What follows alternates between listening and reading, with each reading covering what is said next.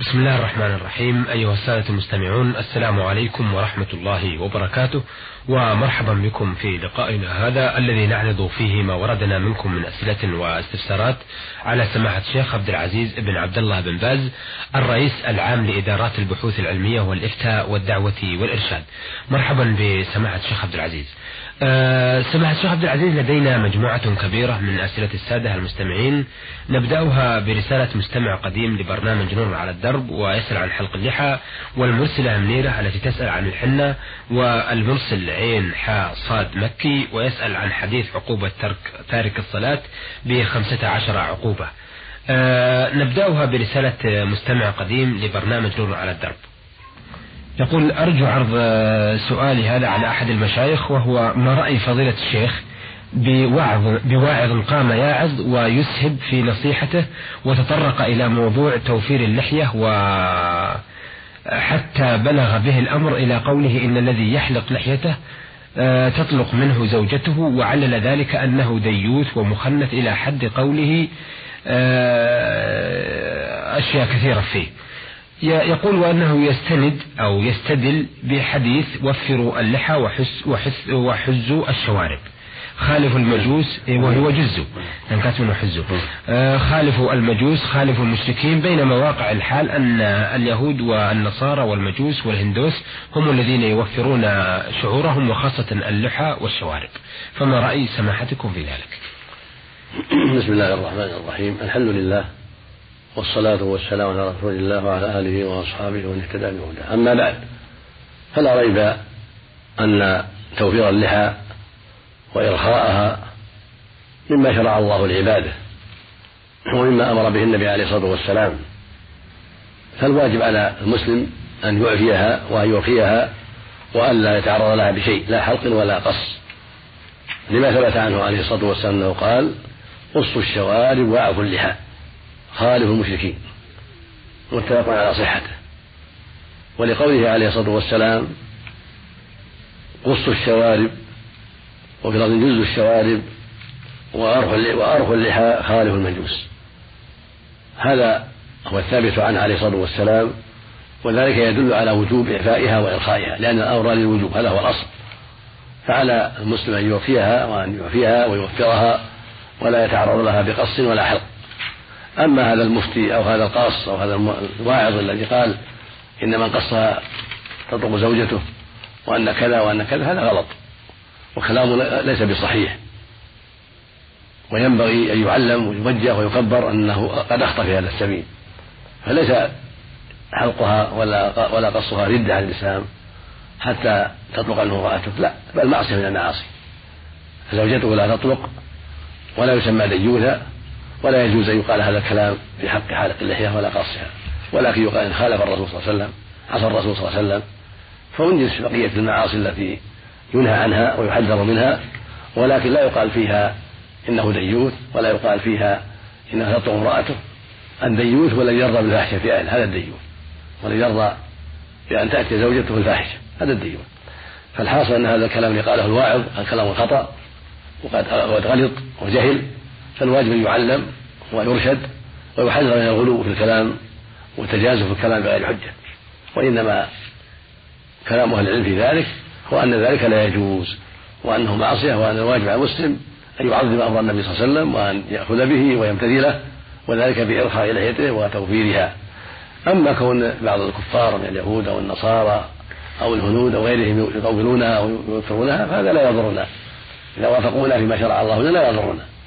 إنما يضرنا إذا وافقناهم في عوائدهم وغلوهم وما أشبه ذلك من أعيادهم هذا هو الذي يضرنا أما إذا وافقونا قصوا شواربهم وأرخوا لحاهم هذا لا يضرنا بل نحب له يهتدوا حتى يوافقونا في الإسلام كله.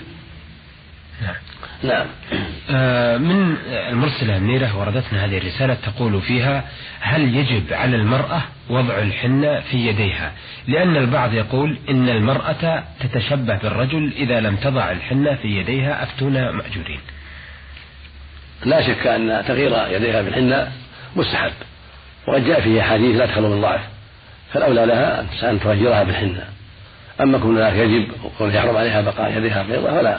أعلم له أصلا ولكن الأفضل والأولى أن تغيرها بالحناء حتى تكون غير مشابهة ليدي الرجل. هذا هو الأفضل والأولى. لأن جاء في هذا أحاديث ولأنه من السنة المعلومة بين النساء والمعروفة في عهد النبي وبعده تغيير اليدين بالحنة فهو أمر معلوم وهو أولى في حق المرأة. نعم. آه هذه الرسالة سماحة الشيخ عبد العزيز قد وردنا رسالة مشابهة لها وعرضناها عليكم وقد آه أجبتم عليها لكن آه نظرا لأنها منتشرة بين الناس وتأتينا بصورة مستمرة. آه، نريد أن نعرضها مرة ثانية. يقول مرسل هذه الرسالة عين جيم صاد مكي. الحمد لله رب العالمين والصلاة والسلام على أشرف الأنبياء والمرسلين سيدنا محمد وعلى آله وصحبه أجمعين. أما بعد فإن الورقة التي داخل هذه الرسالة هي عقوبة تارك الصلاة. فهل هذا الحديث صحيح؟ وروي عن رسول الله صلى الله عليه وسلم. وقد أرفق الورقة ومكتوب فيها أما بعد روي عن النبي صلى الله عليه وسلم من تهاون في الصلاة آه، عاقبه الله بخمسة عشر عقوبة ستة منها في الدنيا وثلاثة عند الموت وثلاث في القبر وثلاث عند خروجه من القبر ثم ذكر هذه الأمور التي لا نريد أن نطيل فيها. هذا الحديث ليس بصحيح. هذا الحديث قد نبه العلم منهم الحافظ بن حجر في الميزان أو الحافظ الذهبي في الميزان وغيرهما على أنه موضوع ولا صحة له بل هو موضوع من الأحاديث المكذوبة عن النبي صلى الله عليه وسلم. وقد غلط الذهبي رحمه الله في ذكره في الكبائر والصواب أنه لا أصل له بل هو حديث موضوع مكذوب ليس له أصل. ومعلوم أن الصلاة أمرها عظيم وهي عمود الإسلام والله قال فيها سبحانه وأقيموا الصلاة وآتوا الزكاة واركعوا مع الراكعين وقال فيها سبحانه حافظوا على الصلوات والصلاة الوسطى وقوموا لله قانتين وقال فيها سبحانه فويل المصلين الذين عن صلاتهم ساهون وقال عز وجل في شأنها وتعظيمها فخلف من بعدهم خلف أضاعوا الصلاة واتبعوا الشهوات فسوف يلقون غيا يعني خسارة ودمارا نعم. فالصلاة أمرها عظيم وهي عمود الإسلام. ومن ضيعها ضيع دينه. ومن حفظها حفظ دينه. فالواجب على أهل الإسلام من الذكور والإناث أن يحافظوا عليها وأن يستقيموا عليها وأن يؤدوها في أوقاتها بالطمأنينة والطهارة والخشوع وغير ذلك من شؤونها. هذا هو الواجب على الذكور والإناث جميعا من المسلمين. تعظيم هذه الصلاة والحفاظ عليها وأداؤها في أوقاتها والعناية بطهارتها وسائر ما شرع الله فيها لأنها عمود الإسلام. من حفظها حفظ دينه ومن ضيعها فهو لما سواها أضيع. والرجل يزيد في ذلك أنه يؤديها في الجماعة يلزمه أن يؤديها في الجماعة في مساجد الله. وليس له أن يؤديها في البيت كالمرأة لا بل هذا من خصال أهل النفاق ومن التشبه بهم. حتى قال عبد الله مسعود رضي الله عنه لقد رأيتنا وما يتخلف عنها يعني الصلاة في الجماعة إلا منافق معلوم النفاق. والله قال سبحانه في شأن المنافقين إن المنافقين يخادعون الله وهو خادعهم. وإذا قاموا إلى الصلاة قاموا كسالى يراءون الناس ولا يذكرون الله إلا قليلا. فالآيات تغني عما وضعه الوضاعون وكذبه الكذابون. وهكذا ما جاء في السنة عن النبي عليه الصلاة والسلام في شأن الصلاة. كافي شافي. قال عليه الصلاة والسلام العهد الذي بينه وبينهم الصلاة فمن تركها فقد كفر. وقال عليه الصلاة والسلام بين الرجل وبين الكفر والشرك ترك الصلاة رواه مسلم في الصحيح. وقال أيضا عليه الصلاة والسلام فيما رواه أحمد في مسلم بإسناد جيد لما ذكر الصلاة يوما بين أصحابه قال من حافظ عليها؟ كانت له نورا وبرهانا ونجاة يوم القيامة. ومن لم يحافظ عليها لم يكن له نور ولا برهان ولا نجاة. وحشر يوم القيامة فرعون وهامان وقارون وأبي بن خلف نسأل الله العافية. هؤلاء من كبار الكفرة ومن صناديدهم. فيجب الحذر من من إضاعة الصلاة والتشبه بأعداء الله في التخلف عنها. قال بعض أهل العلم إنما يحشر من ضيع الصلاة مع هؤلاء الكفرة لأنه إما يضيعها من أجل الرياسة والملك فيكون شبيها بفرعون. فيحشر معه يوم القيامة نعوذ بالله. وإما يضيعها بسبب الوزارة فيكون شبيها بهامان وزير فرعون فيحشر معه يوم القيامة. وإما يضيعها بسبب المال والشهوات فيكون شبيها بقارون الذي خسف الله به وداد الأرض لما تكبر وطغى وامتنع عن طاعة موسى عليه الصلاة والسلام في زمانه. وإما يضيعها بسبب التجارات والمعاملات فيكون شبيها بأبي بن خلف تاج أهل مكة ويحشر معه يوم القيامة. والحاصل أن الحفاظ على الصلاة من أهم المهمات ومن أوجب الواجبات. والتخلف عنها وإضاعتها من النفاق ومن أعظم المنكرات ومن أسباب دخول النار بل تركها بالكلية من أنواع الكفر بالله من الكفر الأكبر في أصح قولي العلماء. فيجب الحذر من ذلك ويجب على الرجال والنساء جميعا المحافظة على الصلوات وأداؤها كما شرع الله كما تجب العناية بالطمأنينة فيها وعدم العجلة وعدم النقر وأن تؤدى في الوقت وأن يعتنى بالطهارة وتكميلها.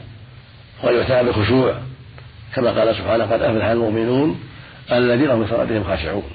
حتى قال سبحانه بعد ذلك والذين هم على صلواتهم محافظون أولئك هم الوارثون الذين يرثون الفردوس هم فيها خالدون.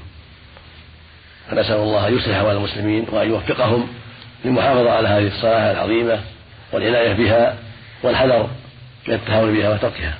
نعم. أيضا يقول في رسالته آه، يتناول بعض سائقي السيارات أو سيارات السفر حبوب منشطة وهي لا تغير في العقل ولكنها تذهب النوم عنهم. فهل هي حرام علما أنها تكلف شيئا من المال؟ هذه الحبوب بلغنا من الطرق المعروفة ومن العارفين بها ومن أهل الثقة أنها تضرهم وأنها تسبب صحوا غير صحيح فيسوق وهو غير عاقل ويقع من الحوادث الكثيرة لأسباب عدم النوم وهو يظن أنه سليم وهو ليس بسليم. فهذه الحبوب يجب الحذر منها ويجب إنكارها والقضاء عليها. ويسوق الإنسان ما دام نشيطا قويا بعيدا عن النعاس فإذا أحس بالنعاس وجب عليه ترك السياقة لئلا يضر الناس ولئلا يضر نفسه أيضا. أما تعاطي هذه الحبوب فهو يفضي إلى شر كثير. وإلى مفاسد كثيرة وأخطار عظيمة كما هو الواقع من هؤلاء السائقين المتعاطين لهذه الحبوب وكما يشهد به كل من عرف شأن هذه الحبوب وشأن أهلها. نعم. آه أيضا يقول من تكلم والإمام يخطب أو قال للذي آه، بجانبه اسكت فقد لغى. فإذا أنا بجوار واحد وعطس وحمد الله فقلت له يرحمك الله فهل لغيت؟ وإذا وإذا كنت قد لغيت فماذا يجب علي؟ علما آه، قلت له والإمام يخطب. لا يجوز الكلام والإمام يخطب مع مع الناس لا مع العاطس ولا مع غيره. الواجب الإنصات لسماع الخطيب.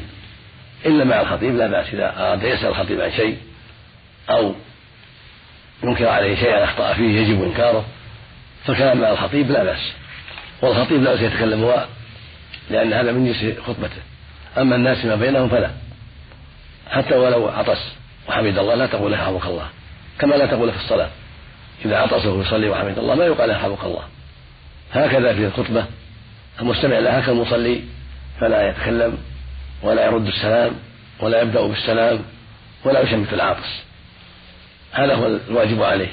لقول النبي صلى الله عليه وسلم إذا قلت لصاحبك أنصت يوم الجمعة والإمام يخطب فقد لغوت مع أنه أمر بالمعروف سماه لاغيا وهو أمر بالمعروف. وفي الحديث الآخر من تكلم يوم الجمعة والإمام يخطب هو كمثل الحمار يحمل أسفارا والذي يقول له أنصت ليس له ليست له جمعة. هذا يدل على أن الجمعة تلغو ويفوته ثوابها بسبب كلامه حال الخطبة. ولو أن كلامه في أمر طيب في أمر معروف أو نهي عن منكر أو تشبيط عاطس فالواجب ترك ذلك. كما يجب ترك ذلك مع المصلي هكذا مع المستمع للخطبة. فلا ترد السلام على المصلي بالكلام ولا تبدأه. البدء لا بأس تبدأ المصلي وهو يرد بالإشارة لكن في الخطبة لا تأمرون بالإنصات. فتنصت. فلا يتكلم الإمام يخطب لا بتشبيه عاطس ولا برد سلام وهكذا أخوك الذي في الصف لا يتكلم. وإذا حمد الله في نفسه فأنت لا تقول يرحمك الله. والإمام يخطب. امتثال لأمر النبي صلى الله عليه وسلم فيما أمر به من الإنصات وحذر من الوعيد الذي جاء في ذلك وهو إلغاء الجمعة وعدم حصول ثوابها. شكرا أثابكم الله. أيها السادة كان معنا في هذا اللقاء سماحة الشيخ عبد العزيز بن عبد الله بن باز الرئيس العام لإدارات البحوث العلمية والإفتاء والدعوة والإرشاد. وقد عرضنا عليه أسئلة السادة مستمع قديم لبرنامج نور على الدرب وهو الذي يسأل عن حلق اللحى. والمرسلة منيرة وتسأل عن استعمال الحنة. والمرسل عين حاء صاد مكي ويسأل عن حديث عقوبة تارك الصلاة بخمسة عشرة عقوبة. آه شكرا لسماحة الشيخ عبد العزيز وشكرا لكم أيها الأخوة وإلى أن نلتقي بحضراتكم نستودعكم الله والسلام عليكم ورحمة الله وبركاته.